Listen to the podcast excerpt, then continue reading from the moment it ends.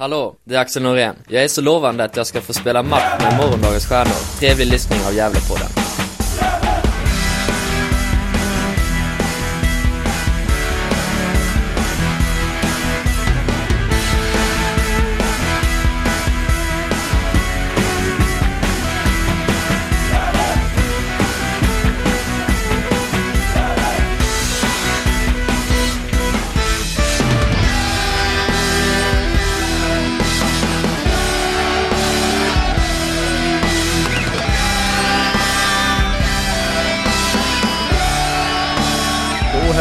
Varmt välkomna till Gävlepodden avsnitt 253 och idag ska vi ta oss igenom etta norra halvtid. Vi ska summera lite och eh, prata lite om varje lag etta norra. Och eh, det är jag, Niklas Backlund, som pratar som vanligt och så har vi Johan Norrström med oss från Sätra. Hur är läget? Jo, men det är väl bra. Ledig idag. Eh, semestern är slut och började jobba igår så, där, så det, vet du, det känns väl lite sådär. Men, men, Mm. men ledig idag i alla fall, så det, det är hyfsat. Mm. Och så har vi vår... Eh, vi har ju två experter i Ettan Fotboll här. Vi har, vi har dels den journalistiska Pontus Andersson och så har vi vår, vår spelare i, här i, från, eh, från Hudiksvall, Andreas Smedbacken. Hur är läget Andreas? Jo tack, det är bra. Eh, inne på eh, andra semesterveckan från fotbollen nu så eh, sitter nere i Dalarna faktiskt. Mm, just det. Har du klurat någonting hur du ska spräcka nollan i år? Ja, jag vet inte, ja lite men eh, det har ju gått bra så, så länge det funkar för laget så. Får, Mm. bör, får börja med att få lite mer speltid kanske. Ja, kan ju bli det. Och Ja. hålla mig helt skadefri kanske.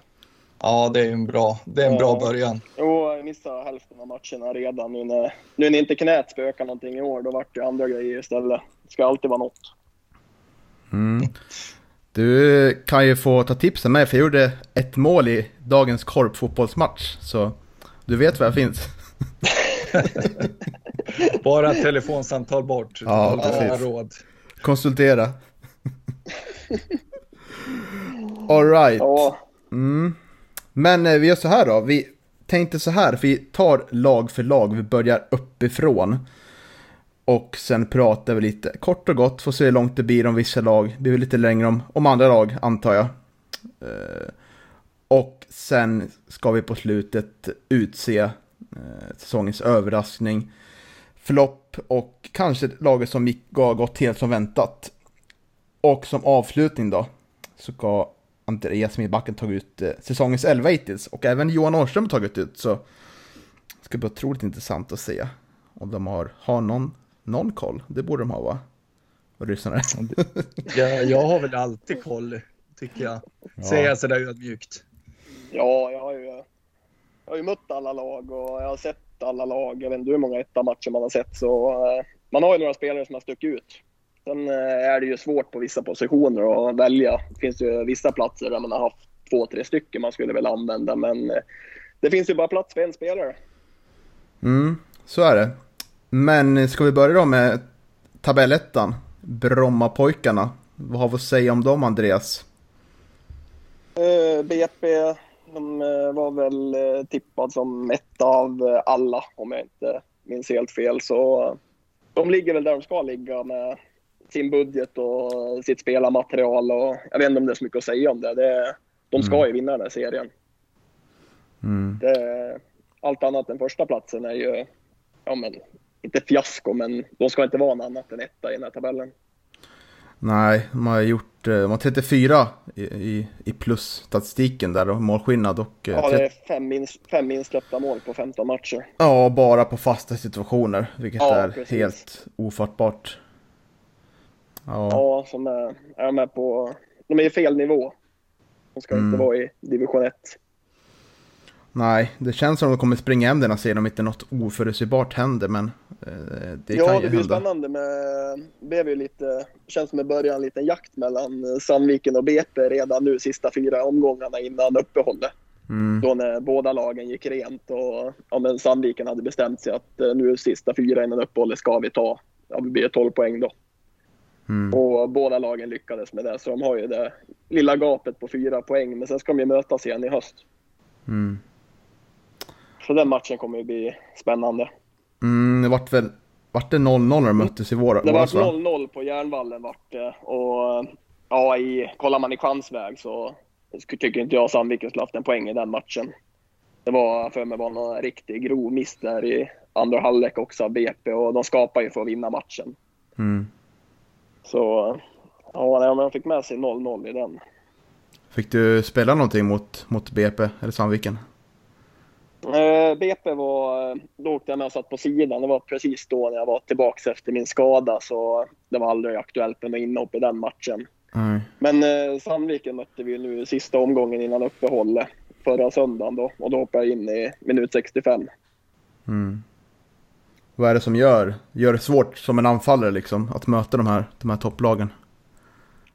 Ja, alltså det, jag menar, Sandviken till exempel, det är ju, ja, kolla trebackslinjen de har där med, ja, med rutinerade mård till exempel i mitten. Alltså det är ju svårt, de läser mycket löpningarna man tar och det är ju smarta spelare. Det är svårt att, ofta tar man en löpning på öppna yta men eh, de läser ju sånt. Mm. Eh, mycket rutin där och sen BP mötte inte jag dem men ja, vad de mittback, Ali Suljic och vem är det som spelar bredvid han, Robin Frey. Mm. Så det är eh, stabila. Och det är som ett, mot ett lag som BP också, det får inte så mycket etablerat anfallsspel utan det blir ju mycket att du får, du får försöka kontra och man blir ofta själv mot mittbackarna. De löser situationerna. Mm. Ja, har, har du något att tillägga Johan om seriesuveränen Brommapojkarna? Nej, men det är jag väl inne precis på, på det spår som ni var på, att de har väl egentligen levererat precis som förväntat. Och, eh, men eh, ska jag säga någonting, nu vet jag inte om BP gjorde en eh, blek insats mot, eh, mot Gävle där, men eh, jag tycker ju att eh, Eh, man, man ser ju att det går ju ändå att eh, störa BP och jag tycker ju att eh, stundtals i alla fall så tycker jag faktiskt eh, Gävle eh, ja, stör BP ganska bra och eh, men som sagt, jag vet inte om, om BP gör en lite blekare insats i, i den matchen också. Det, det, det är svårt att avgöra. Det som blir en liten, liten nyckel nu när det är transferfönster är om de lyckas hålla i Peter Kisvalouris filosofi om att inte sälja någon spelare under sommarfönstret. Det är det som kan ställa till det om, om de får ett riktigt bra bud de inte kan tacka nej till. Eh, om de säljer några av de här nyckelspelarna på topp. Eh, det är det som kan ställa till det lite då, tror jag. Men de verkar ju ganska, hålla ganska hårt om deras eh, superstjärnor där framme. Så. Ja, det är väl eh, Omar som är ja, men ganska eftertraktad nu och är på gång med lite bud och sånt som man har hört om. Men eh, jag vet ju att eh, som det låter så skulle de i så fall vilja ersätta honom innan de säljer. Mm. För de vill ju ändå behålla det här laget för att kunna ta sig upp. Mm, det låter väl vettigt. Eh, ja, Omar Faraj, det, vi såg ju vilken, vilken kapacitet han liksom besitter i, i matchen mot eh, Gävle där på, på vet du, Gavlevallen. Han, vet du, Gävles försvarare hade fullt upp med honom hela matchen så att eh, alltså det finns intresse för honom. Det, det är inte alls konstigt. Nej, det är ju liksom den spelaren, alltså han, han uppehåller ju ett helt försvar själv. Alltså det, han kan han kommer till avslut från alla olika lägen. Och det är ofta att redan när bollen kommer till honom, han bestämt sig att nu ska jag komma till ett avslut. Och då kommer mm. till avslut från ja, men vilken position han än är på. Mm. Snabb vändning ja. och skott och jag menar, ja, men ni såg när de mötte, var det Dalkurd som höll på att slå dem där med, ledde med 2-1 i 93 minuten på hemmaplan och när han nästan glidtacklar in bollen från ja, men snäv vinkel i bortre hörnet. Det är liksom, ja, men knappt ett avslutsläge och han slänger sig fram och får till ett perfekt avslut i bortre i 93. Mm. Ja, Omar Faraj är egentligen lika dominerande här 2021 som, som Isak Lidberg tycker jag var vet du, förra säsongen för, för i Gävles del så att säga. De, det är, Isak var ju ja, framförallt under förra säsongen också en sån spelare som kunde ja, uh, eh, liksom sysselsätta en hel, hel motståndarbacklinje. Ja. Så att, eh, ja. Så att det, det finns likheter där. Det, det ska bli spännande att se vad Oman Faraj liksom tar vägen då. Eh, Isak hamnar i holländska ligan och eh, det är väl inte så otroligt att Omar Faraj också säljs utomlands. Nej, det är stor möjlighet på det faktiskt. Mm. Ska vi röra oss mot Sandviken då? Yes. Eh, Ett lag som, när vi tippar tabellen här, eh, vår gemensamma Gävle på en tabell så tippar vi dem efter Gävle, tippar dem på fjärde plats och de har ju verkligen överraskat mig med, eh, hade ju en tanke där om att det kommer en ny, nytt tränarpar in och det kommer ta tid att bygga det här men de har ju verkligen övertygat med, med bra värvningar och eh, ett eh, bra spel får man verkligen säga. Så, Mm, det har ja. inte överraskat mig lika mycket då, utan jag, jag hade ju tippat dem trea eh, före Gävle faktiskt och eh, framförallt för att eh, man gör ju en otroligt bra, eh, vad ska man säga, eh, man värvar otroligt bra under försäsongen tycker jag och eh, eh, värvade spännande spelare, eh, duktiga spelare och eh, eh, så att jag kände nog att, eh, att Sandviken skulle kunna bli ett topplag även 2021. Mm. Vad hade du för känsla, Andreas, innan säsongen? Ja, så nu tippade ju jag eh, Brommapojkarna, Dalkurd och sen eh, tippade jag, jag sa ju att Sandviken eller Gävle, sen sa jag Gävle IF då på grund av att jag var med i eran podd då. men eh, så Sandviken var ja, men, tredje plats kan man säga. Så jag hade ändå de som är topplag som skulle haka på, men jag trodde inte de skulle vara topp två då på superettan-platser. Så de har, ja, överraskat lite. Jag tycker de eh, känns väldigt stabila och eh, eh, jag gillar deras eh, anfallsuppsättning gillar jag jättemycket när de kör med tre forwards och eh, det är ingen riktig så här, stor target nia utan det är ju tre rappa spelare de kör med. Mm. Det går, det går fort i anfallsspelet där.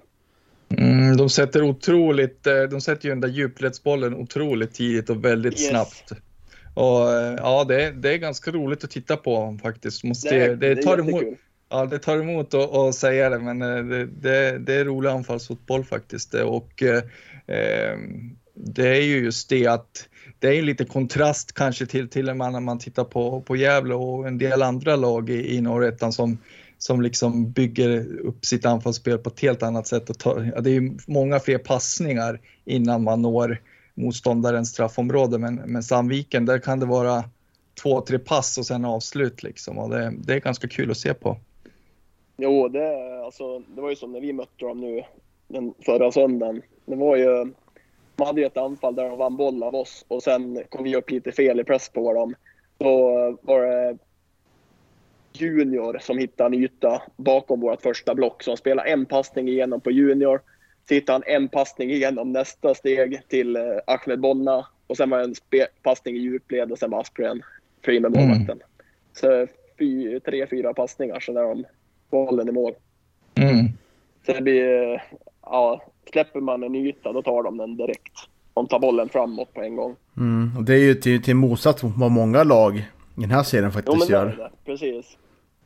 Många som jobbar med bollinnehavet så det nästan blir, ja men, blir se ut som handboll till slut. Att du står och försöker trockla dig in utanför straffområdet och hitta några kombinationer igenom mot ett lågt försvar. Och vänder Mm. spel och vänder spel. Och, men nej, det går fort Sandviken när de anfaller. Får väl se om de, om, det, om de blir lite sönderlästa till, till slut. Börjar tänka lite här. eh, om det är något som går att stoppa dem. Och det kanske är något sånt. Liksom. För de åkte på en plump där mot Hammarby till EFF och... eh, Ja, precis. Ja. Nej, jag har kanske inte något belägg för det, men eh, jag försöker bara hoppas här. kanske mer. Ja, precis. Hoppas. Ja. Nej, han har ju sagt också, att huvudtränaren Martin Falk, att de ser varje match som en final nu, försöker se som det. Eh, Ja, det känns väl som en ganska bra inställning att ha nu när man ska jaga ikapp Brommapojkarna. Mm. Eh, I min värld så tror jag att det kommer bli det kommer bli ett eget race mellan Sandviken och BP.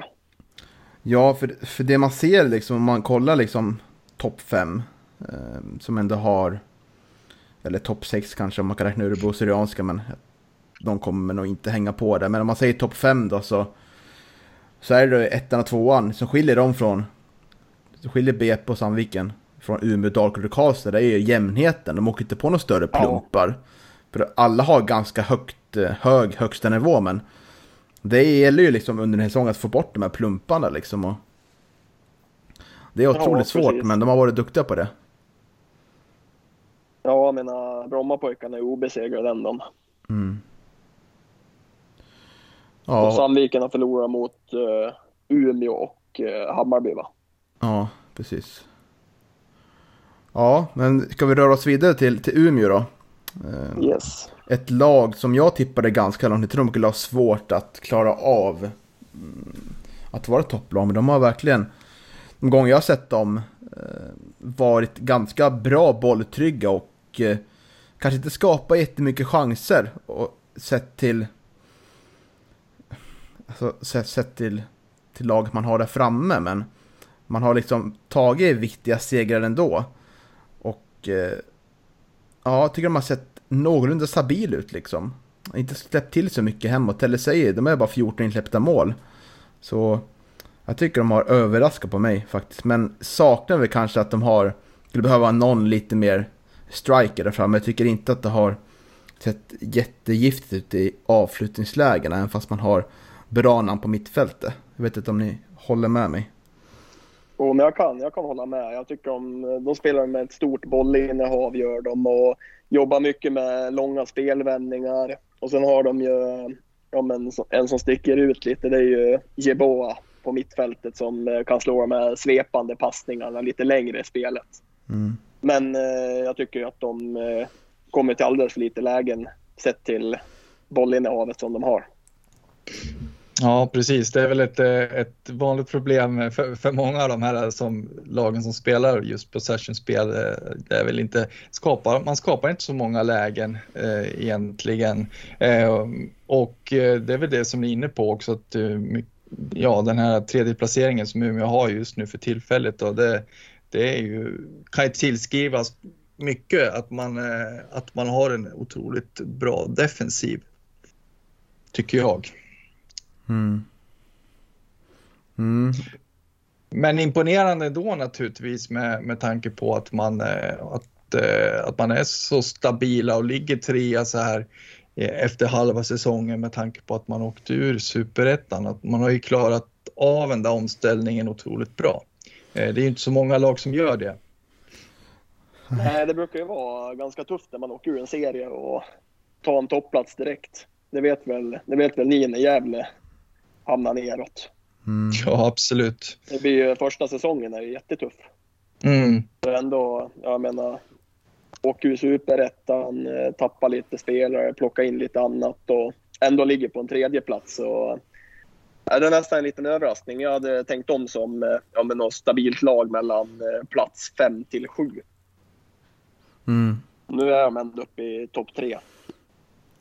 Mm. Ja, det återstår att se om de kan få in någon, någon striker här kanske i sommarfönstret. Ja, jag vet inte hur det är med Jonathan Lundbäck är ju en ganska en striker typ. Och, men han har väl varit skadad där i början av säsongen och kom in lite sent om jag inte är helt fel. Men där mm. har du en striker som ja, men, haft mycket skadeproblem men eh, har en hög nivå.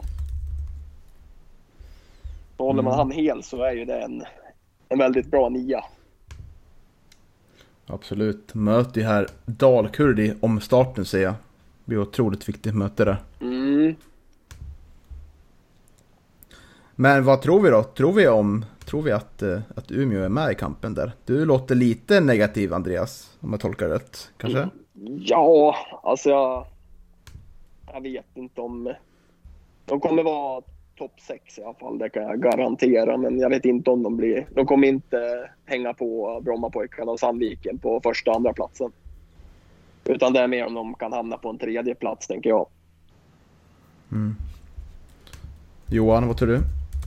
Nej, men jag tror också det att eh, man kommer ligga där mellan, eh, mellan de här placeringarna 5, 4, 3 där någonstans. Eh, eh, som sagt, man, man har en stabil defensiv, man har ett, ett grundspel som fungerar eh, tycker jag och det är precis som vi, vi har varit inne på när vi har pratat Umeå att det, det är väl den där eh, absoluta spetsen då eh, till det längst fram och, och målskytte som det saknas lite i. Men, men, men eh, de bevisar ju att man kan hänga med i toppen ändå och det är väl det som talar för Umeå tycker jag. Mm. Ska vi gå till tabellfyran då? Dalkurd FF. Ett lag som jag vill hävda, av det jag har sett i år, så tycker jag att Dalkurd har den högsta, högsta nivån när allt stämmer. Jag tycker de har varit riktigt bra då, när jag har sett dem. Eh, och man är ju där uppe och har gjort 32 mål, inte så långt efter Sandviken och Romanpojkar, men det är lite Hawaii-fotboll, de spelar lite mer risker Dalkurd än de andra lagen och eh, just därför har de ju 22 mål insläppta och det är alldeles för mycket för att ligga där eh, längst upp, eller hur? Det är ju precis det som är problemet där, det är att som du säger, de har en jättehög högsta nivå och eh, mycket individuell skicklighet på alla positioner. Men eh, där är det det att de släpper in så mycket mål. Eh, ja, men det där Hawaii-fotbollen det blir ibland. Mm. Jag vet som när vi spelar mot dem då så men vi kvitterar mot dem 1-1 och sen de skapar ju en hel del, ja vad ska man kalla det, alltså kunde ha blivit vassa målchanser om de inte sjabblar till det med sista passningen. Eller, men eh, de hade mycket boll på sig och gick fort och försökte trockla sig igenom vårt försvar. Och, men det slutade ändå med att det var vi som var jättenära att sno alla poängen i 93 minuten. Mm. Så det var, de jagade ett ledningsmål men var närmare att vi gjorde ledningsmål i sista sekund. Mm. Mm, jo, men det är ju ett lag som spelar med vet du, ja, högrisktagning och eh, eh, man blir lite slarvig och lite nonchalant emellanåt och ja, man har absolut en, en hög högsta nivå men, men problemet tycker jag med Dalkurd är att att man har inte den där högsta nivån liksom under en hel match utan, utan det är en halvlek eller en 20 minuters period och, eller sådär. Och, och sen så sen spelar man liksom slarvigt och, och nonchalant och, och liksom eh, ja, man, eh, man tappar mycket poäng på, på, på, grund av det. Liksom, att man, är, man, har, man har en högsta nivå som är, är väldigt hög, liksom, men, men att, eh, att man eh, klarar inte av att hålla den under 90 minuter. Nej, och då mm. kan vi ju gå tillbaks eh, ja, till två exempel, bland annat den där matchen Dalkurd mot Brommapojkarna då när de eh, minut, det är tre minuter tilläggstid och minut 92.30 så har de bollen på väg fram i mittplan och tappar bollen och spelet vänder och Brommapojkarna är 2-2 i sista sekund. Mm. Det är två tappade poäng. De kan skicka ner bollen till hörnflaggan så hade de vunnit mot Brommapojkarna. Men, eh, ja, men nonchalant agerande. Och lika var det premiärmatchen i år då när de ledde med var det 3-0 mot Piteå och tappade till 3-3 på hemmaplan. Ja, ja precis. Så ja, mycket, det... de har ju tappat jättemycket poäng helt i onödan. Mm. Det är ju på alla de där insläppta målen. Mm, ja, men det återstår att se vet du, hur det blir här under hösten och det, det är väl som eh, de har varit inne på själva också att det, det är hemskt mycket nya, nya spelare och sådär och att eh, det tar ett tag innan man eh, får ihop det eh, lagdel för lagdel så där och får ihop mm. helheten så att det ska bli lite spännande att se Dalkurd under hösten här. Ja, det är ju framförallt spännande att kolla på spelschemat nu som kommer. Alltså första matchen har de, har de Umeå borta. Sen har man Gävle hemma. Sen har man eh, BP borta och Sandviken hemma. Så det är ju verkligen liksom, tar man mycket poäng här, då är man ju plötsligt med där liksom uppe, uppe i racet igen. Så det är ju verkligen slagläge för Dalkurd. Jag, jag, tror faktiskt på Dalkurd. Jag tycker att, jag tror de kommer kunna få ihop det, för de har ju liksom varit i den här situationen förr. Det känns som att de har liksom, det är ju klassiskt lag som på något sätt åker upp och ner i divisioner. Eh, så mm. jag tror de blir livsfarliga under hösten. Det kan de absolut bli. Mm. Men vi rör oss vidare då till eh, femte placerade Karlstad Fotboll. På 25 poäng. Eh, ligger lite efter eh, lagen ovanför men absolut inom slagläge om man radar upp några segrar. 10 poäng efter kvalplatsen och de har ju smugit med lite Karlstad. Lite segstartare va? Ja, jag minns inte hur de startade riktigt, men Karlstad är faktiskt ett av de lagen jag har sett minst av i år om jag ska vara ärlig. Eh, jag har sett två matcher kanske. Ja, jag har inte Det- heller sett så men- mycket. Nej, nej. Det, men de är väl ungefär där man hade tänkt. Jag hade också dem som ett sånt där, ja men lite stabilt eh, över halvan lag. Hade, skulle absolut kunna se dem i, på en femte plats i sluttabellen. Mm. Ja, jag, nej, jag trodde inte på Karlstad, ska, jag ärligt säga, när, jag la min tabell. Men, eh, men eh, jag kan kanske så här i efterhand ändå tycka att de kanske inte överraskar heller. Eh, jag har inte heller sett Karlstad så där otroligt mycket. Eh, utan, och det, det som man har liksom fräschast på näthinnan nu, det är ju matchen mot, mot Gävle. Eh, och eh, där tycker jag att man, där imponerar man ju egentligen och, man skapar egentligen tillräckligt mycket för kanske ta poäng och kanske rent av vinna mot Gävle men, men eh, man jag lyckas inte.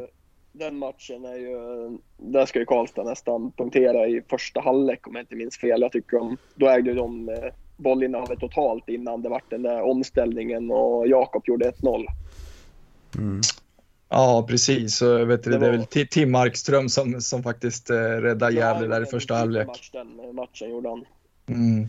Det Karlstad faller lite på den på egentligen, det är ju att, eh, att eh, man, de blir lite slarviga tycker jag i, och eh, lite naiva i sitt pressspel i- emellanåt och eh, liksom missar lite där.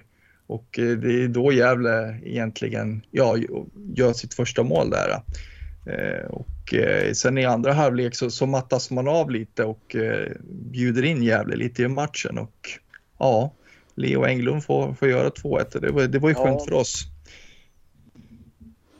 Mm, man har gjort mycket mål, 28 mål, men eh, 19 insläppta, så det är inte jättebra. Man är ju faktiskt framförallt bara en övergjord match, så det är verkligen vinst eller förlust nästan. 50-50 där. Mm. Ja, man ska bara behöva nämna också 19 mål, ja det har väl Gävle också släppt in va? 19 mål tror jag. Så att, Mm. mm. Mm, ja, men de ligger väl lite där man eh, förväntar sig ändå, säga. Jo, men jag, jag tycker det. Men man behöver ju skyffla in lite pengar om man ska vara med där. Eh, 10 pengar upp till Sandviken. Eh, så är det. Men det blir tufft tror jag. Ja, absolut. I år så tror jag inte att man kommer, eh, man kommer inte ha kon på varken första eller andra platsen i, i tabellen utan, utan eh, med tanke på att eh, de hade ett ganska mediokert 2020 så, så handlar det nog mer om att stabilisera sig och vet du, ta en plats på den övre halvan. Jag skulle kunna tänka mig att det är Kostas målsättning också. Mm, då rör vi oss till eh, laget som ligger sexa. Örebro Syrianska. Som vi gäller på en tippade på 15 plats. Så de behöver verkligen ta några steg neråt här om det ska något rätt på den tippningen. Ja, jag hade väl dem på 15-16 ja. Mm, ser. Så det är väl eh, en eh, jätteöverraskning det. Ja, Och eh, ja, alltså de tycker de spelar en väldigt kul fotboll också. Det anfallsspel, de har tekniska killar som kan göra sin gubbe och de har någon target som kan ta in bollen och de har, jag tycker de har många olika anfallsvägar. Både lyckas ta sig rätt mot backlinjen och även ha ett bra djupledsspel och, och så har de flera spelare som har stuckit ut ganska mycket. Mm. Mm. ja, men, målvakten har ju varit enormt bra i år. Och sen har du faktiskt eh, skytteligaledaren i hela serien spelar i Örebro. Mm. Rodin Deprem, ja. Exakt. Ja, precis. Ja, jag vet inte. Eh, Jag, jag var imponerad av Örebro framförallt i, i inledningen av säsongen. Jag tycker inte att man avslutar den här vårsäsongen så otroligt bra. Jag menar, eh, man var ju direkt dåliga mot, mot Gävle i, i den här segermatchen. Man hade, man hade ett läge och det var det friläget som, som eh, Tim Markström eh, har ner liksom. Jag kommer inte ihåg vilken det var där i, i Örebro, men, men den, på, på den där straffen, det är allt vad de skapar på hela matchen. Sen dominerar ju Gävle totalt och Eh, jag håller med. De, eh, de spelar en, liksom, en kvick och ganska rolig fotboll, men, men eh, framförallt i början av säsongen tycker jag. Mm. Sen har de ju, om man tänker, ska man säga, Gävle-matchen, att de skapar ett läge och vinner matchen med 1-0. Och det är ju fler, lika när vi mötte dem i omgång tre så är det ju, jag menar vi förlorade med 1-0 mot dem och det är ju, jag vet inte, det är ju nästan 1-0 i målchanser till dem i den matchen också men då har de ju spets som gör mål på det läge de får istället. Så, så de tar ju de där tre poängen ändå. Ja, absolut. Det är ju ganska starkt att eh, vinna fast man gör en dålig match. Ja. Ja, och ser man inte alla fem matcher de förlorar så är det ju bara någon match mot Sollentuna med 3-0. Annars är det, det är ganska jämna förluster där, så de lyckas ju verkligen, utan att ha sett alla de matcherna, håller det ganska jämnt. Kollar, kollar man målskillnaden på dem så ser det ut som att det varit ganska jämna matcher, för de har 20-19. Ja, det är ju två 3-0 förluster mot BP och eh, Sollentuna här. Annars ja. är det ganska jämna förluster. Så det, och verkligen 0-0 borta mot Sandviken är ju otroligt fint resultat. Och 2-0 vinst mot Karlstad borta så. Nej. Ja, man kan inte säga annat än att de har överraskat enormt. Nej, absolut. Hatten av för Örebro Syrianska. Ja, det måste man säga. Men det får gärna gå lite sämre då. Ta tipsen kommer in här. ja, lag 7. IF Sylvia. Sju vinster. Eh, en... En oavgjord. Ja, sju förluster. Så är det. Mm. Ja, de har verkligen sett bra ut i vissa matcher. Men man har väl liksom... Har de inte lånat in en del spelare från Norrköping va? Som vanligt. Ja, jag har inte koll på vilka det är som, eh, som är inlånade från Norrköping riktigt, men... Eh, ja, Nej. en om den. Jag tror att det är fem spelare va, eller något sånt där som man eh, som kan traska emellan så att säga. Norrköping och, och, det, och Sylvia. Typ U19 killar då eller? Ja, precis. Det är väl, det är väl sådana här spelare som man tror lite mer på, men som, som man bedömer att behöver liksom matchning ja. eh, på parlagsnivå. Eh, så det är att, svårt eh, att ha koll på vilka det är riktigt för att det är inga namn som dyker upp i IFK Norrköping sen i allsvenskan. Nej, det precis. Är ju, det är ju, det är ju Sylvias spelare nu. Mm. Ja. Nej. Men uh -huh. ja, Sylvia det är ju också, ja, de ligger där de ska ligga tycker jag. Ja, precis så är det ju. Det är, ett, det är ett mittenlag, eller ja, det är klart de kan hamna... Jag vet inte, det har gått... Eh, visst har de haft någon säsong där de har kommit femma, sexa.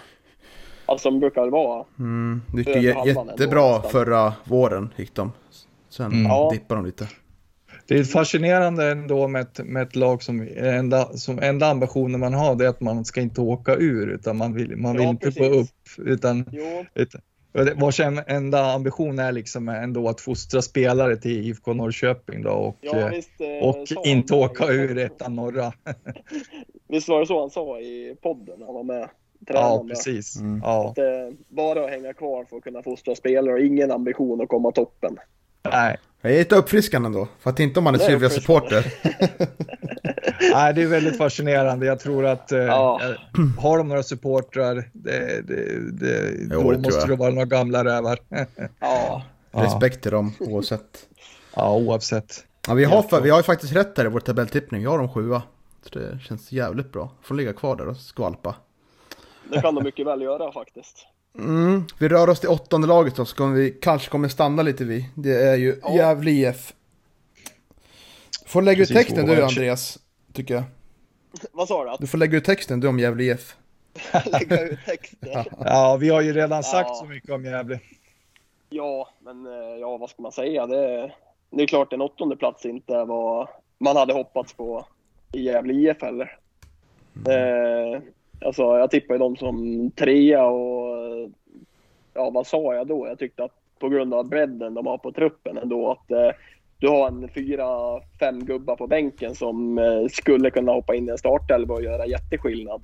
Mm. Jag tänkte att de skulle kunna gå som en maskin och vara med uppe i toppen men eh, det har inte, det har inte funkat riktigt för dem. Och det, tycker är för svag eh, slutprodukt. Det blir liksom, kan ha stort bollinnehav men du, du kommer inte till de här vassa lägena och ja, som när vi mötte dem. Jag tycker de bara står och trillar boll i sidled och skapar ett läge på hela matchen fast de har bollen i 70 minuter.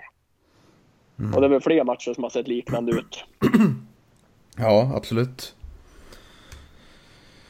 Ja. Då hade man ju tänkt att, eh, ja, jag menar, då delad skytteligatopp på Salin och Englund är det väl. Och Isak också. Fyra mål eller? Mm.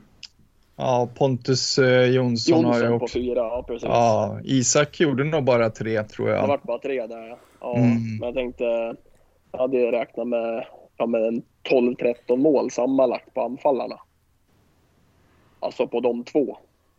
Mm. Ja, absolut. Johan, det, det finns ju otroligt mycket offensiv kraft i det här laget och det är ju egentligen det är egentligen otroligt att man inte lyckas skapa mer, men, men det är det vi har varit inne på så otroligt många gånger i podden att eh, man saknar nog en riktigt duktig spelfördelare på det centrala mittfältet tror jag.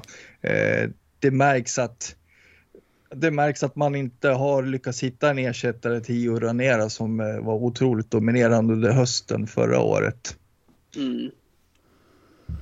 Ja. det var väl en spelare som kunde skapa lite på egen hand och ja, men sätta medspelarna i bra anfallslägen. Mm. Och framförallt så är det väl avsaknad av att hitta spelare man blir eh, rättvänd i, i rätt lägen.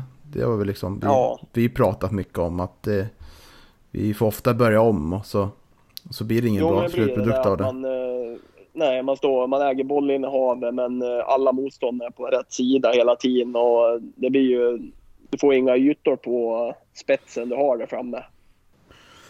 Nej, och det skulle vara intressant att, att se om alla de här 21 målen vi gjort och se hur många som har gjorts i, i vårt uh, ja, när vi har ett uppställt försvar, vi får börja om och spela från början. Det känns inte som att det har varit så mycket mål. Ta bara eh, matchen mot Karlstad senast vi... Ja, det är båda, båda målen är väl när det blir lite öppna ytor och så man mm. kan gå mot mål.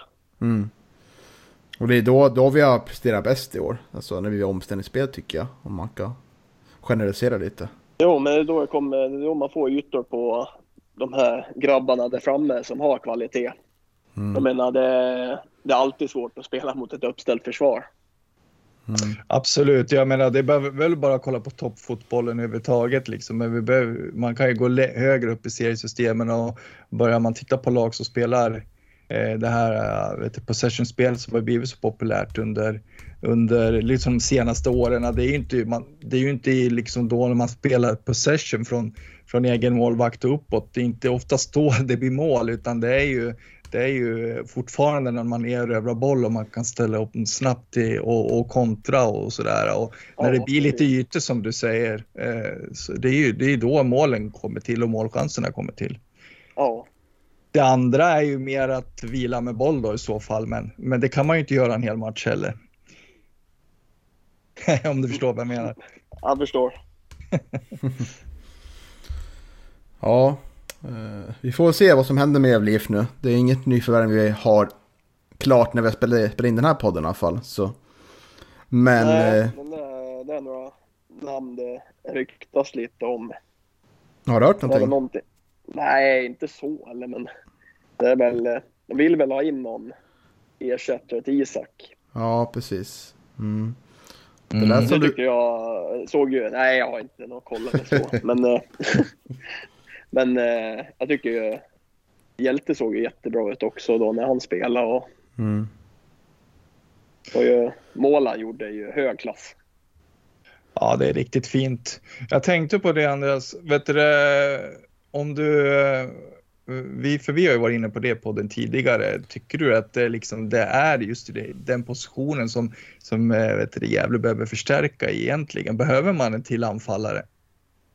Alltså det beror på vad man ska spela för spelsystem, men eh, jag tänker ju, jag menar, du har ju redan Leo Englund där och sen, eh, jag menar, sätt upp och spela med två forwards så sätter du upp Jakob Hjälte där med Leo. Jag tror inte, behöver egentligen inte ersätta. Nej, exakt. Vi skulle ju vilja, vi skulle vilja ha en, en central, duktig spelfördelare centralt på mittfältet. Det, det tycker ju vi både jag tror jag Niklas, både Niklas och jag att, att det är det som är prio ett. Mm, Ja, men anfall, anfallare finns det ju gott om. Ja, det var väl lite när säsongen skulle starta, när, när de plockade in Leo, så var väl egentligen nästan eh, Isak var väl förlorad då nästan. Om jag inte har helt fel. Det var Ja, väl... eh, Ja, han hade ju packat bort. Han väskan. ju- Ja, jag menar han, har- han var ju på väg bort då. Och sen kommer Leo in istället för Isak, men nu vart ju båda kvar. Så eh, från början var ju truppen säkerligen tänkt då att eh, ja, men Lidberg var inte med i den beräkningen. Jag vet Nej. inte om det är sån panik egentligen att ersätta honom nu. Nej, det känns inte så. nej, man blir lite orolig över att det inte pratas från, från tränarhåll om en innermittfältare när det känns som att många supportrar är överens om att det är det som behövs och har eh, behövs under lång tid, ända sedan Iran har lämnat. Och det, det kan göra mig lite orolig som det uppenbart har inte fungerat att eh, spela det spelet vi gör nu när vi ska försöka komma igenom uppställda försvar som har det ganska lätt ändå att försvara sig mot oss. Jo, det, blir, ju- det är enkelt att försvara mot eh, sidledspassningar, men det är ju sen när det kommer någon som bryter lite mönster, det är ju då det går fort. Det är Mm. då det blir jobbigt. Mm. All right. Ska vi lämna Gävle IF bakom oss just för tillfället? Ja, men eh, ja, vi konstaterar bara att det är väl det lag jag tycker som ligger mest fel i tabellen mot vad man trodde. Men vad, vad tror du då, Andreas, avsluta lite. Vad, vad kan man sikta Mm. på för Gävle IF i år? Alltså tabellmässigt position sådär. Ligger åtta Ja, nu. man nu. Ja, kolla, de har ju en hängmatch också. De har ju bara spelat 14. De säger att de vinner hängmatchen, då är de ändå upp på nästan sjunde plats. Och sen är det ju inte, det är ju inte jättemycket poäng upp ändå till femte platsen. Så eh, nog kan de, eh, men där får de ihop det. Alltså de har ju ganska mycket sparkapital ändå om man tänker att eh, Englund är på fyra mål. Så nej, jag tror de kan komma upp på en femte plats i alla fall. Mm, härligt. Jag tror ga- gapet från femte uppåt blir nog för stort. Men eh, de, ska inte, de ska inte ligga på en åttonde plats. Det ska de inte. Nej, håller med. Men det är ju någon, någonting som har låst sig. För jag har ju inte...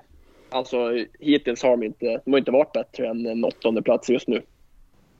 De Mm. ligger ju där de ska med tanke på hur det har sett ut. Men eh, nej, det känns som de kommer spela upp sig under hösten. Ja, härligt. Uppmuntrande ord. Vi får hoppas att du har rätt. Uppmuntrande ja. Säger något helt annat sen inte ni är med. Ja.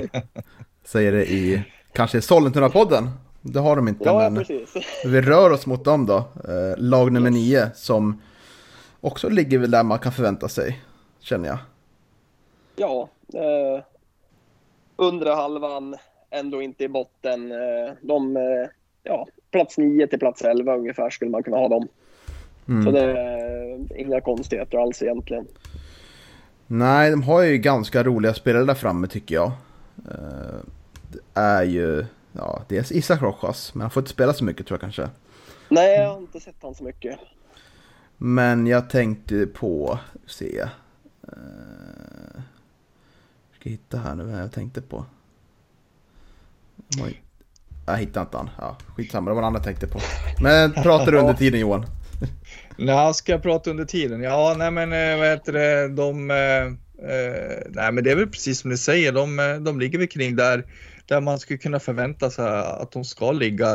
De eh, överraskade ju otroligt eh, Eh, mycket förra året och eh, har ju en spelidé som de är ganska trogen även i år tycker jag. Att de, man spelar en ganska eh, bra fotboll, eh, rolig fotboll, offensiv fotboll, men men det är väl också ett lag som, som, eh, som är otroligt ojämna och eh, släpper in en hel del onödiga mål tycker jag emellanåt. Jo, det kan jag hålla med om.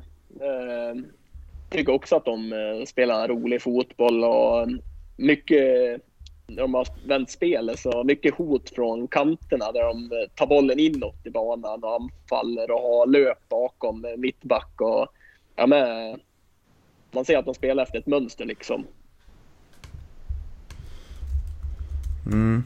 Det var inget vidare för mig att hitta den spelare jag tänkte på, men så kan det vara. Ja. Nej. Alltså Google är, Google är inte din vän idag. Mm, Nej, det är inte det. Uh, strunt samma. Men jag, jag, tror att de, det är ju känt som en klubb som har en stor akademi så jag tror mycket väl att de kan få fram spelare Och längre fram i leden. Tillägga, tillägga där vilken fantastisk anläggning de har också. Ja, absolut. Det är... Alltså när vi, vi mötte ju dem för, ja, var det i, i juni månad.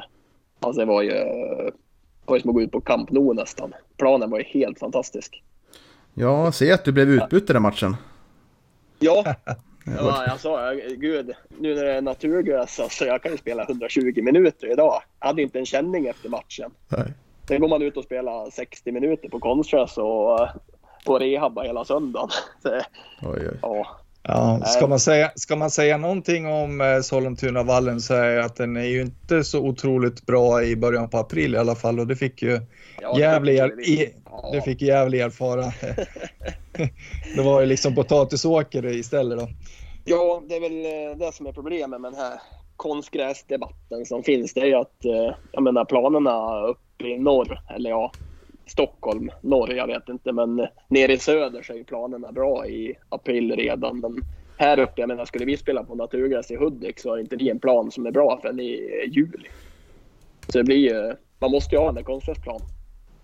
Det är svårt för dem att förstå det nere i Skåne vet du. Ja, men det är det. De, där säger de att det ska bara vara naturgas som är giltigt, men nej, det funkar inte så. Det är ett helt annat klimat.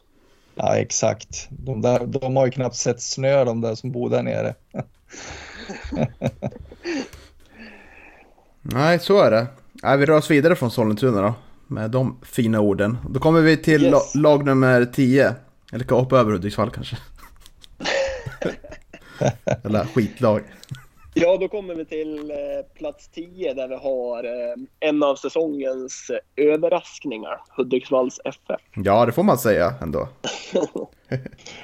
Ja, det lär man ju verkligen skriva under på. Och det är vad- imponerande faktiskt. Vad beror det på då, Andreas?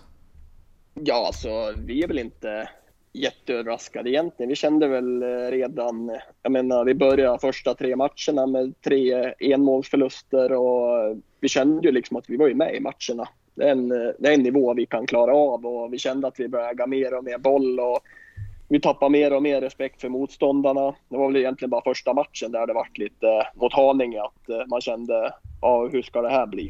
Och sen vart vi lite paralyserad första 20 och släppte in två mål innan det lossnade lite för oss. Mm. Men eh, sen kom ju den där vinstraden där med tre raka vinster och fick ett jättesjälvförtroende i laget. Och, men eh, till att börja med så har vi ju startat säsongen med en eh, jättebra stabil defensiv som vi kan luta oss tillbaka mot hela tiden. Mm. Och då hade vi lite mer problem med offensiven istället i början men vi släppte ju inte in några mål. Och sen, eh, ja nu på slutet har jag ju lossnat lite framåt för oss också. Så eh, ja, vi är väl en jätteöverraskning för de flesta men eh, jag skulle inte säga att vi är jätteöverraskade så. Vi är, en, ja, vi är väl inte helt nöjda ändå. Vi skulle kunna haft någon poäng till känner jag. Mm. Nej, och framförallt tycker jag ni har ett otroligt eh, stabilt grundspel. Man får verkligen se det som bara vad ni vill åt. Och det har Ja, ge- gett det- de här krigarvinsterna liksom. Ja, precis. Som är så pass viktiga. Men hur ska ni göra nu då för att inte mattas av inför andra delen av serien? Nej, vi kommer bara, vi kommer bara fortsätta. Vi, det blir ju vi är nykomling i serien och varenda match vi spelar är väl nästan den roligaste matchen i karriären. Jag menar, de flesta lag har inte spelat på högre än division 2 tidigare. Så det är ju, vi njuter av varenda match. Det är jättekul eh, att gå ut och möta nya lag och spela på en annan nivå. Så det kommer ju aldrig tappa någon inställning och motivation utan vi kommer ju bara köra på. Mm. Sen eh, fick vi den där jätteroliga matchen mot Hammarby i Svenska Cupen sen också direkt. Just det. Så, Är det, eh, är det på hemmaplan eller? det blir på hemmaplan första Oj. veckan när serien startar. Oj. Så, ja. Det är läge för dig att presentera det där kanske. För år. Ja, det, ja, det skulle vara kul att göra ett mål på Hammarby som Djurgårdare. ja, just det. Ja, Nej, men det, det finns ju lite, alltså många nykomlingar kommer ju upp och så studsar man ganska stor del inför första halva kanske säsongen. Sen, sen dippar man lite, kanske ja, för att man, för att motståndarna också liksom eh, får, får mer respekt för en, kanske man överraskar. Så det är väl kanske en utmaning lite för er att eh, motståndarna Ja, börjar se Precis, på det annat kan sätt. det ju bli. För det är väl eh, många som har underskattat oss tidigare skulle jag tänka mig. Mm. Men eh, de flesta borde ha sett nu att vi står upp mot alla lag och eh, ja, faktiskt eh, vissa lag har vi ju fört spelet totalt. Det är Mm. väl egentligen eh, enda matchen på hela vårsäsongen som vi inte har varit med alls. Det är Brommapojkarna borta på Grimsta. Mm. Annars har vi ju varit med i alla matcher och ja, men även mot Sandviken på bortaplan tycker jag att vi, vi för ju en stor del av matchen och sen släpper vi in lite, lite enkla och onödiga mål i fel lägen. Mm. Annars så, ja, hade vi inte släppt in det 4-2 mål hade det blivit spännande sista 20 också om vi hade fått jaga kvittering med bara ett mål upp. Men nu vart det ju två mål istället så. Men eh, nej, vi tycker vi varit med i alla matcherna utom BP. Mm. Han ligger stabilt nu, sex poäng ner till, eller sex poäng ner till eh, nedflyttning då, fem till Ja. kval. Så det, mm. Ja, var mycket resultat som gick vägen för oss eh, sista, sista två omgångarna. Mm. Sen var den där matchen eh, Täby borta var ju i näst sista omgången var ju jätteviktig för oss att vinna för den var ju, ja, ett rimligt resultat i den matchen hade ju varit 3-0 eller 4-1 till Täby och Mm. vi vinner med 3-2. Det var, eh, det var en faktiskt jätteorättvis seger. Har det. Den matchen skulle vi, alltså var, vi var långt ifrån att få oavgjort egentligen. Mm. Men vi vinner med 3-2. Mm. Jag se mig framför att i omgång 30 att det kommer bli otroligt nervig matchen när vi tar emot Assyriska på hemmaplan. Ja, precis. Vi har dem i sista. 21 november, Förhopp- då är det kallt. Förhoppning, förhoppningsvis så ligger vi stabilt då. Och så har ni Dalkurd borta näst sista. Det kan bli Ja, svettigt. precis. Ja, ja nej, men det blir nog en kul höst tror jag. Mm. Ja, han får, får se till att eh, ordna kontrakt innan de där eh, avslutande matcherna helt enkelt. Ja, det är inte kul att gå ut i sista omgången och ha kniven mot strupen eller. Man vill gärna ha fixa kontrakt innan. Ja, precis. Det är någonting som vi som är Gävle-supportrar är ganska vana vid. Det, Ja, var inte ni till eh, Sollentuna något år och hade någon 2019 match. ja. Ja, den var jobbig. Ja. Ja. ja, det var ju kul att åka hem sen i alla fall. ja. Ja, ska vi röra oss vidare då? Det är eh, Yes. plats nummer 11, IFK Haninge. Och där har vi också rätt i tabelltippningen. Så det känns ju väldigt bra att det ligger, ligger där. Och eh, ja, var ju ett succélag förra året. Öste in mål. Och han har ju bytt tränare i år. Eh, det har ju några andra lag också gjort. Dalkurd har också bytt tränare såg jag. Det har jag gått lite miste om. ja, det stämmer. Mm. Eh, men det känns som att Haninge liksom satsar liksom och inte har det kanske tålamodet som, som Täby har Nej. exempelvis. Nej, Nej, det är otroligt märkligt faktiskt. Eh, Det här eh, tränarbytet tycker jag.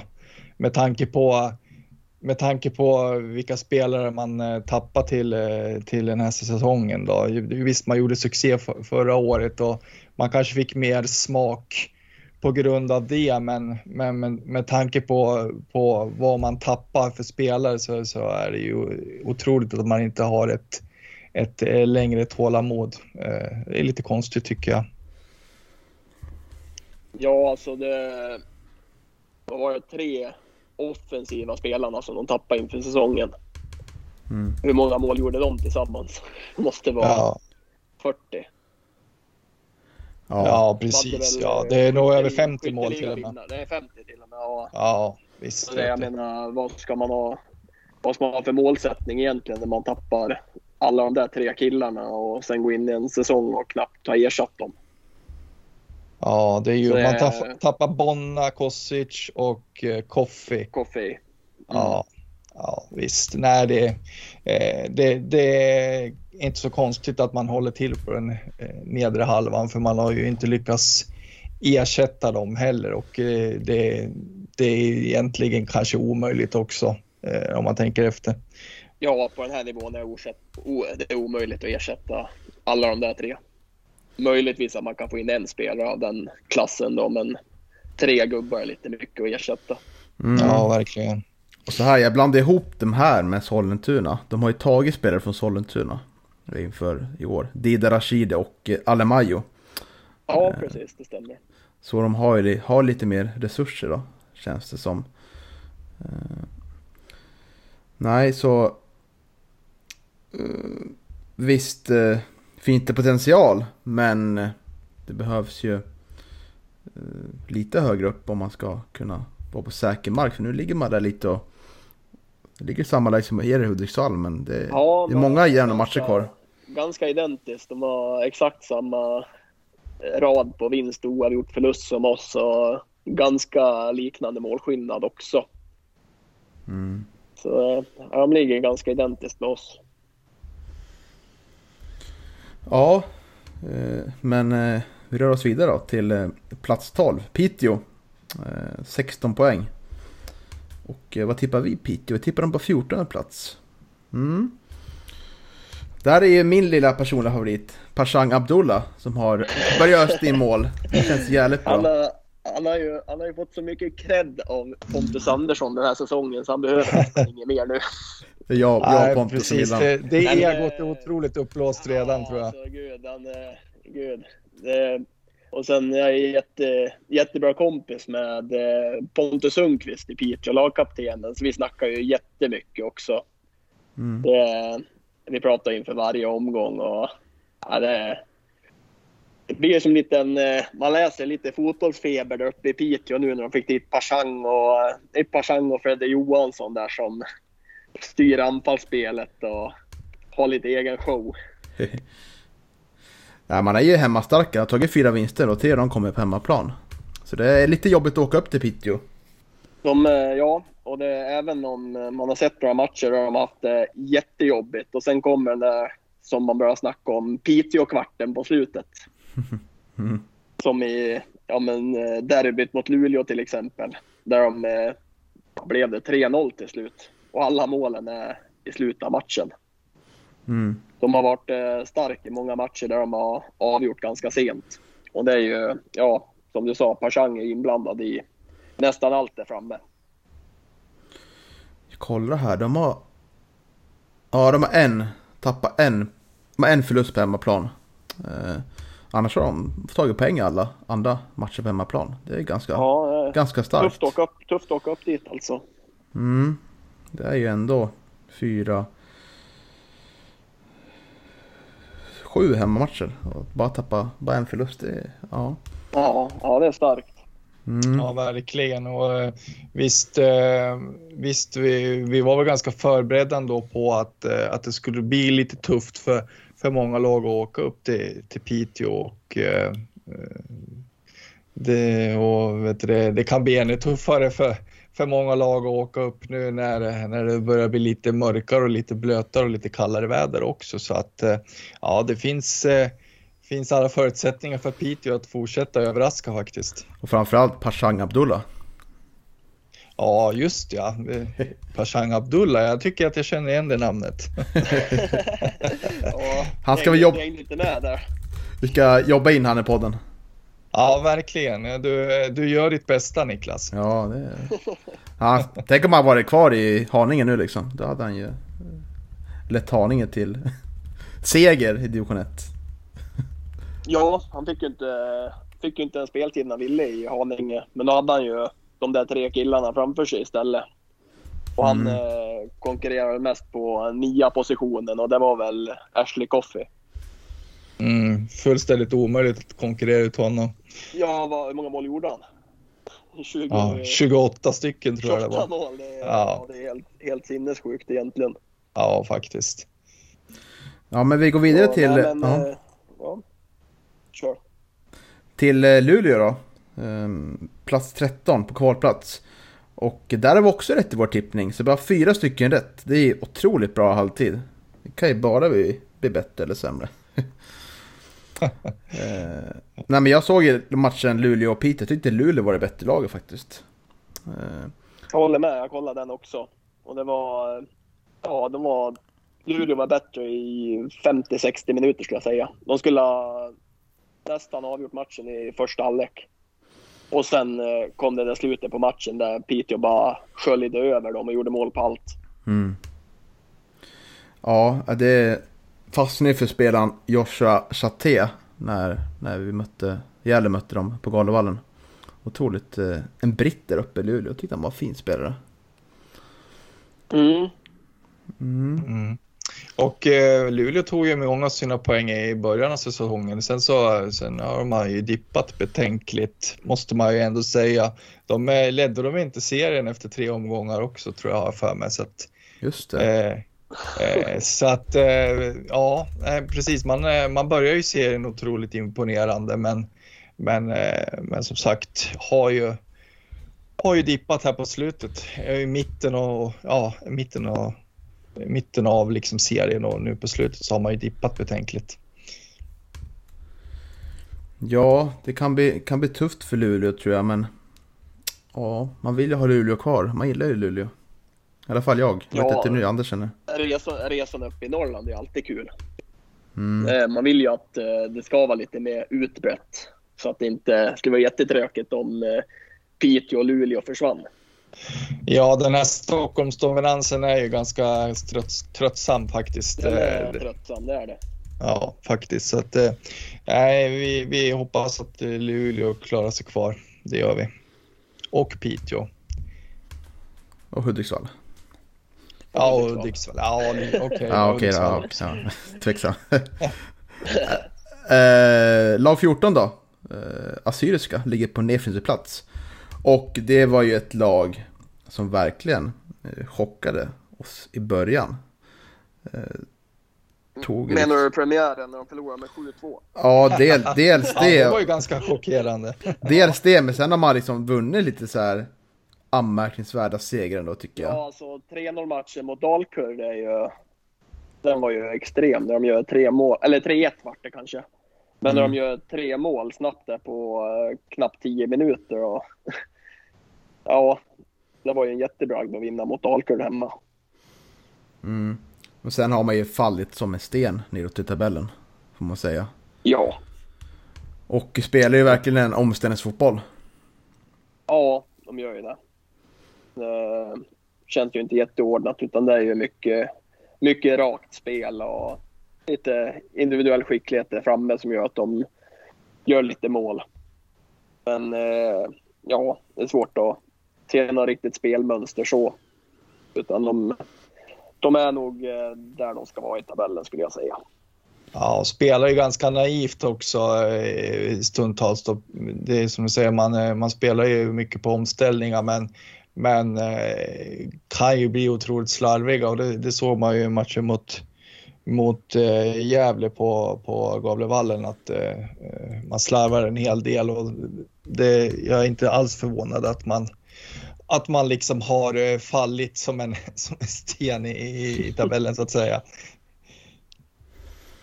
Nej, ska vi röra oss vidare till Hammarby TFF som ligger på 15 plats och 9 poäng. Har ju vunnit två matcher. Vann mot Sandviken och eh, vilka har man vunnit mot mer då? Var det Täby kanske?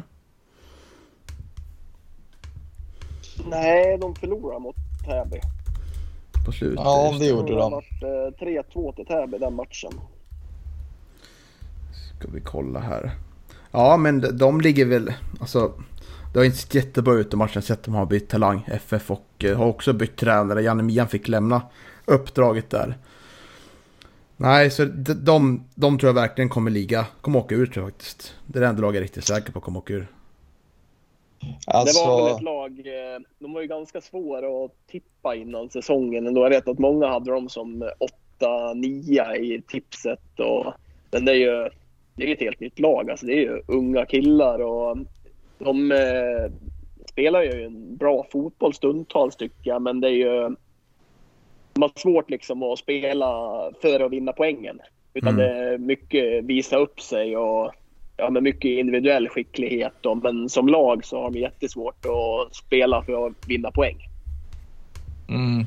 Jag tror att den äldsta spelaren i, i det där laget är 23 och de, eh, de flesta är liksom under 20 så att eh, det, det, kanske inte är så konstigt. Eh, det är ju mycket orutin där som, som, som skiner igenom. Det, det har man ju sett i de matcherna som man har sett med, med dem att, eh, att det är precis som du säger att det, ja, det, det är enstaka perioder i matcherna, och enstaka händelser och eh, där man liksom blixtrar till men, men i en helhet över 90 minuter så håller man inte riktigt utan eh, eh, orutinen lyser igenom och det, det, är inte alls konstigt att man ligger där man ligger. Eh, det är konstigt ändå att, att man eh, satsar så orutinerat ändå liksom från, från huvudföreningen Hammarby där. Eh, för att jag kan inte tänka mig att man vill att Eh, Eh, att eh, sitt utvecklingslag ska spela division 2-fotboll heller. Eh, så det ska bli lite intressant att se vad som händer nu de här veckorna innan höstsäsongen drar igång igen. Fast det händer ju en del för dem ändå eh, när det börjar gå dåligt till slut av vårsäsongen nu när de bytte tränare först och sen, eh, ja nu sa ju du att äldsta spelaren var 23, då glömmer ju du att de plockade in Niklas Thor Ja, just det. Eh, vad är han?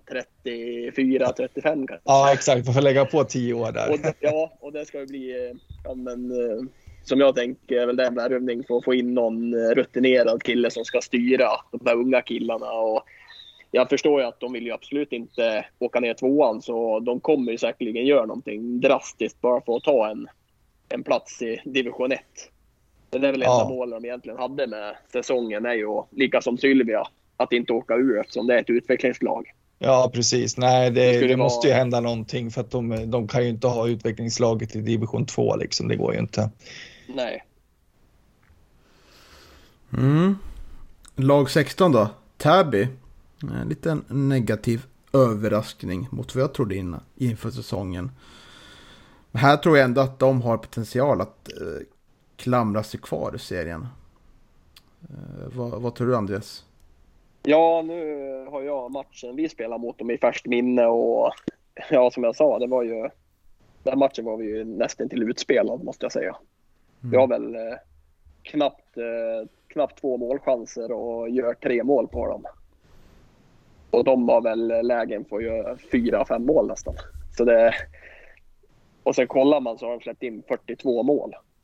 Så det måste ju vara lite där problemet ligger, att de eh, ja, men släppa in så mycket mål. Då, för spelar ju en ganska vass fotboll ändå. Gick fort i offensiven och tar sig till mycket, ja, nästan inte bara halvchanser utan helchanser, men de gör inte mål. Så jag tycker de spelar ju en, ja, men bättre fotboll än några lag där framför. Det är det som är så underligt med Täby om man, eh, om man blickar liksom en säsong bakåt och så spelar man en ganska cynisk eh, Eh, defensiv fotboll där man, eh, där man ställde om snabbt och eh, straffade ju bland annat Gävle på, på Gavlevallen riktigt ordentligt med det där. Där, vi, där Gävle åkte på ett par omställningar och, och, och Täby, jag har för mig att man vinner med 3-0 eller 3-1 mot Gävle i den där matchen och eh, eh, man överraskade väldigt många lag på, på samma sätt förra året. Nu, nu byter man liksom spelsätt och försöker eh, se på något slags bollinnehav. Och, eh, jag vet inte riktigt varför man, eh, jag fick aldrig liksom något grepp om varför man eh, liksom bytte spelsätt. Tycker att det är lite konstigt. Ja, ändå var de, eh, de är, var ju väldigt svåra att möta. Det var var svårt att komma in i någon typ av pressspel på dem utan man hamnade så långt ifrån dem hela tiden och slutade med att vi fick ju efter 20 minuter fick vi byta spelsystem på grund av att eh, det var för jobbigt för oss på kanterna. Det gick för fort i spelvändningarna så våran eh, trea på mitten hann ju inte flytta över ordentligt så vi fick ju gå ner med en, eh, en fjärde mittfältare då för att hålla dem utanför oss och ge understöd till wingbacksen också. För de kom ju i två mot en lägen på kanterna från båda sidor och skapa målchanser hela tiden. Så det var ju, de var riktigt jobbiga att möta var de. Men ändå vann vi matchen. Mm. Så jag kanske säger en del ändå att man spelar ut ett lag totalt och förlorar med just 3-2. Mm. Ja, det tyder på att ändå man jobbar på rätt saker ändå. Men det kanske saknas just det här lilla extra liksom för att kunna avgöra matcher. Ja, det, och sen att släppa in tre mål när man knappt eh, släpper till några målchanser så är ju inte något vidare. Nej, jag släpper in 42 mål också efter, efter en eh, halv säsong också. Det är, det är lite för mycket naturligtvis. Ja, de har väl några storförluster om jag inte minns fel. Det är väl BP borta var väl en 5-0 va? Ja, precis. De 5-6-0. Ja, som har åkt på några riktiga tunga. Var det Sandviken också som Ja. ganska stort? Gävle vann 4-1 också, Ja. för mig då. Mm, så att, ja. Ja, ska ja, vi... nej, men jag tror Mm. de har ändå potential att eh, komma uppåt i tabellen tror jag. Mm. Jag skulle kunna tänka mig att de eh, nästan tar sig upp på en trettonde plats. All right. Vilka tror du ersätter dem där nere i botten då? Kan ju nästan bli att eh, tabellen kvarstår som den är fast Täby går upp ovanför Luleå där. Ja, spännande. Känns inte helt orimligt för mig. Alright, ska vi göra så att vi går igenom lite säsongens överraskning, besvikelse och eh, säsongens helt som väntat. Och jag kan börja här. Säsongens överraskning tycker jag står mellan två lag. Dels Örebro Syrianska och dels Hudiksvall. Men jag väljer ändå Örebro Syrianska för jag tycker att de har tagit mer poäng än vad jag trodde. Som jag tippade om dyngsist. Typ, så jag väljer ändå Örebro Syrianska. Eh, och säsongens besvikelser, det- blir väl... Ja... Jag tippar, jag tippar ändå Assyriska ganska högt. Eh, men det måste ändå bli Gävle IF. Så är det ju. Det är ju alldeles för dåligt att eh, ligga där man ligger. Och ha så lite mål gjorda och så lite poäng. Och helt som väntat, ja det får bli Sylvia. De ligger precis där, där jag vill ha dem. Ja Johan, Ja, men alltså det blir ju risk för, för att, man äh, återupprepar dig naturligtvis. Eh, men eh, jag, jag säger väl Hudiksvall då, för att det, det, det är otroligt eh, imponerande och överraskande eh, att, man, eh, att man har Ja, att man ligger där man ligger tycker jag. Eh, du, Som sagt, jag hade ju tippat att de ska åka ur och eh, efter att ha sett Hudiksvall här under våren så, så eh, tror jag inte det längre. Så att, eh, helt klart en överraskning. Besvikelse naturligtvis. Gävle IF eh, har ju inte alls eh, fått så särskilt mycket att stämma egentligen. Eh, man har tagit sina poäng här nu på, på slutet och vunnit en del matcher men men eh, vad heter det, ja, nej, sett i spelet och gjorda mål så, så är det en otrolig besvikelse. Eh, säsongens eh, förväntade så här långt Brommapojkarna. Eh, jag trodde att de skulle promenera igenom det här relativt enkelt och eh, det tror jag fortfarande och eh, jag tror att de kommer gå upp superettan. mm. Andreas? Ja, och eh, ja, nu blir jag inne på exakt samma spår jag också. Och överraskning är ju givetvis Örebro Syrianska. Det, jag hade ju dem på, jag skulle säga dem på bland de tre sista platserna inför säsongen och nu ligger de sexa med 24 poäng och har skytteligaledaren i laget och bara släppt in 19 mål ändå. Så det, jag tycker den är given som överraskning och den, eh, jag kan inte säga att vi är någon överraskning för jag tror ju alltid att vi ska vinna såklart. Men vi är säkerligen en överraskning för många andra som tippar inför säsongen. Och eh, floppen hittills är ju Gävle IF som ligger helt fel i tabellen mot vad de förväntades göra. Det var jättemånga som hade dem i topp tre och även jag då. Och nu Mm. ligger de på en åttonde plats och som jag sa, det, de ligger där de ska ligga efter hur det har sett ut. Så eh, det är svårt att säga någon annan som eh, säsongens flopp hittills. Och eh, Sen säger jag ju BP då som har gått precis som man tänkt. Jag vet inte när vi spelade in podd inför säsongen. Var det, var det någon som inte sa BP som etta? Jag tror att Nej, alla det var det inte. va? Mm. Så var det. Så, eh, ja, och de ligger etta med fyra poäng ner så de ligger där de ska ligga. Är inte, är inte mer än så. Mm. Då är det säsongens 11 kvar och ni har ju båda tagit ut en säsongens 11 och jag har ju fått gissat eh, din 11 här Andreas. Hade fyra Ja. av 11 rätt. Eh, tänker du du kanske kan förklara upplägget för Johan så får han göra ett liknande försök och se vem som vinner. Förklara upplägget. Mm. Hur vi ska dra elva nu eller hur tänkte du? Ja, men hur många från varje lag du har tagit, vilken uppställning och Ja, sådär. precis, precis. Eh, Jag har en elva som är alla om lite spelsystemet för att få in eh, vissa spelare. Men jag spelar en eh, 4-2-3-1 uppställning. Och jag har eh, tre spelare från Brommapojkarna. Jag har tre spelare från Sandviken. Jag har två spelare från Örebro Syrianska faktiskt. Och jag har en från Umeå FC och en från IFK Luleå och en från Gävle IF. Aha, ja, det var ju spännande. Mm. Ja. Så eh, Ja, vi återstår att se då eh, om, vi, om vi har några. Vi borde ju ha några namn som är lika tycker jag. Ja, Ja, det, som jag sa, det är ju vissa, vissa positioner där man nästan kan hitta två, tre stycken. Så var det nästan som att dra en lott ibland. Men eh, nej, jag plockar ut, plockar ut ett lag. vill du ge dig på gissa Johan? Börja med BP. Ja, herregud. Ja, vad skulle kunna vara? Ali Sulic kanske. Eh, och sen så gissar jag på eh, Marian Kosic och så Omar Faraj. Om jag får säga Brommapojkarna då. Ska jag avslöja? Ja, gör det. Då satte du två av tre där faktiskt. Ja, det är snyggt. Ja, Så, eh, eller ska vi ta elvan sen? Jag säga dem? Nej, men jag får chanser på varje lag tycker jag. Så kan, så kan du berätta då. Så Efter att han har gissat. Det är väl bra. Ja, då kan du köra Sandviken. Tre spelare har han med där. Ja, okej. Men nu måste du tänka smart där, vilken formation han har. För nu har du Ja, tagit herregud. vissa. Mm. Fyra, två, tre, ett.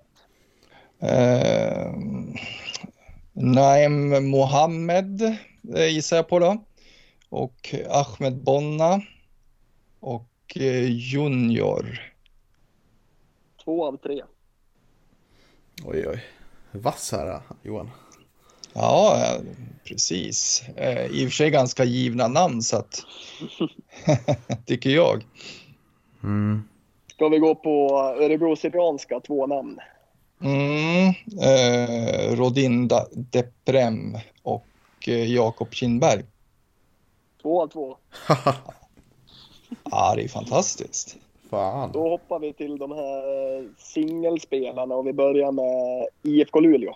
Oh, ja, det blir lite svårare. Eh, Jag kan faktiskt inte komma på någon i Luleå sådär nu. Eh, Vill du ha en ledtråd? Ja, eh, nej, jag kan nog inte komma på någon ändå tror jag. Ska vi hoppa till eh, Umeå FC? En, Eh, Jeboa. en av en. Oj, oj. Mm. Och sen avslutar vi med en eh, Gävle IF-spelare. Och eh, Kevin Persson. Den satt du inte. Mm. Det gjorde jag inte. Nej. Nej, ja, men det ska bli intressant att höra elvan då. Yes. Ska jag börja då? Får du ta din elva sen då? Jajamän. Då har jag, I min elva har jag Kindberg i mål då som sagt. Sen har jag Oskar Krusnell från BP som vänsterback. Har Ali Suljic mittback tillsammans med Gustav Törn från Sandvikens IF. Och sen har jag Linus Salin som högerback. Ja, just det. Ja, det hade jag nästan kunnat räknat Mm, ut den hade du faktiskt. kunnat tagit. Ja, det tycker jag. Det var dåligt av mig. Sen har jag två sittande mittfältare i eh, Koyate i IFK Luleå. Den eh, afrikanska mittfältaren där. Och sen har jag Jeboa från Umeå FC. Ja, just det. Och sen har jag satt i en tia-roll. av de där tre positionerna framåt där jag har satt eh, Rodin Deprem. Sen har jag Ahmed Bonna till vänster, John Junior till höger och Omar Faraj som nia. Mm. Härligt offensiv elva måste jag säga. Ja, det var en offensivt balanserad. Jag vill ha in... tror Deprem passar perfekt i den där rollen i mitt det här laget. Mm, ja, intressant. Eh, Ja, eh, jag kan ju säga då att eh, min lilla mer taktiska uppställning är ju en 4-3-3 då. Eh, vill ni höra namnen? Kör Elvan? Ja, kör den. Mm. Jajamän, då har jag tagit Jakob Kindberg i mål då. Mm. Eh, Martin Springfeldt i Sandviken. Eh, Ali Sulic IF Brommapojkarna. Eh, Diljan Ismail Dalkurd. Oskar Krusnell IFK Brommapojkarna. Och sen på mittfältet Ahmed Bonna eh, och Jeboa från Umeå FC och så Marian Kosic då från IF Brommapojkarna. Och sen i tremannaanfallet Rodin Deprem från Örebro Syrianska och så Naim Mohammed från Sandvikens IF och sen Omar Faraj från IF Brommapojkarna. Då. Så, Den var väl också ganska offensivt balanserad måste jag säga. Mm. Ja, det måste jag också säga. Marian, Marian Kosic och eh, Ahmed Bonna på en tremanna mittfält. ja, visst är det härligt. Ja. det är kul med anfallsfotboll. Ja, Det är ju det. Ni tänker ganska lika ändå. Ja, speciellt när man sitter så här och leker och fotboll manager-aktigt och får sätta ihop ett lag. Så ja, det blir mycket offensivt. Ja, det tenderar ju att bli jag har det. Ja, jag har ju en högerback som har gjort fyra mål och sen har jag Gustav Törn måste väl ha gjort något mål framåt han då. Han gjorde ju den där, eh, den där årets frisparksvariant som Sandviken gjorde mot Assyriska borta. Såg ni den? Nej, den har jag tyvärr missat. Den var, ja, det var helt fantastiskt. Det var ju en, jag kommer inte ihåg vem det var, men de hade en frispark från vänster där de skulle lyfta in och ställde upp en vänsterfot på ja, med utåtskruvat inlägg. Så var det en spelare som gick iväg från bollen ner mot hörnflaggan och sen började han gå tillbaka. Och sen bara i farten bara slog han ett inåtskruvat inlägg och hela backlinjen stod still och Törn löpte djup och styrde i den. och, ja, riktigt fantastiskt. Och sen har jag för mig att det var matchen efter då jag kollade när Karlstad mötte Sandviken på hemmaplan. Då försökte Karlstad göra den mot Sandviken i Ja. matchen efter. Härligt. Ja, äh, det var snygga elvor får jag säga. Ni tänker mycket Ja. lika och det här var svåra lag att möta, tror jag. Ja, jag tror det här, det här laget ska nog vinna division 1. Mm. Helt klart så är det. det jag, jag skulle vara ganska segerviss med den här startelvan, eh, Ja. måste jag säga. Men eh, din, din defensiva balans känns ju tveksam. tveksam ja. Ja, men Ja. det är ju på, det är ju, det är ju på vet du, det, motståndarens planhalva man ska vara. Jo, jag har ju ändå Poyato och Jeboa på mittfältet där. Det spelar ju inte igenom. Nej, det är väl eh, svårt att täcka lika mycket ytor som han gör på plan. ja, jo faktiskt. Men, Men, det är klart, eh, har inte motståndarna bollen, vet du, då kan de ju inte göra mål. Det har du faktiskt helt rätt i. Men eh, Johan, om du skulle bli tvungen att välja in en Järvspelare då? Vem låg närmast i startelvan? Ehm, Ja, då är, är väl eh, närmast, det är nog Linus Salin också faktiskt. Eh, Sen så där, eh, bara för att jag tycker att det är så roligt så, så tycker jag ju Theodor Hansemon har ju imponerat otroligt med tanke på hans ålder. Mm. Jag gör definitivt inte bort sig och jag tycker att han är, eh, han är otroligt bra i matchen eh, mot eh, Brommapojkarna också tycker jag, eh, genomgående faktiskt. Eh, otroligt imponerande med tanke på att han bara är 19 år. Mm. Alright, det börjar bli långt det här. Eh, tänker att vi börjar avrunda. Så får vi tacka dig Andreas som är i backen för att du ville vara med och prata lite ettan fotboll med oss. Ja, det är alltid lika kul. Mm. Men det var inte sista gången heller va? Nej, det hoppas jag inte. Vi ska väl ha någon matchgenomgång sen inför någon Gävle IF-match eller liknande. Vi ska väl mötas i höst då. Mm. Mm. Vi får ringa upp. Ja, vi får ringa upp och pressa lite på... Ja, på... får sitta och avslöja taktiken inför matchen och sådär. Ja, precis. Det, det ser vi fram emot. Då säger vi så och eh, ha det så bra. Eh, så hörs vi när vi hörs. Detsamma.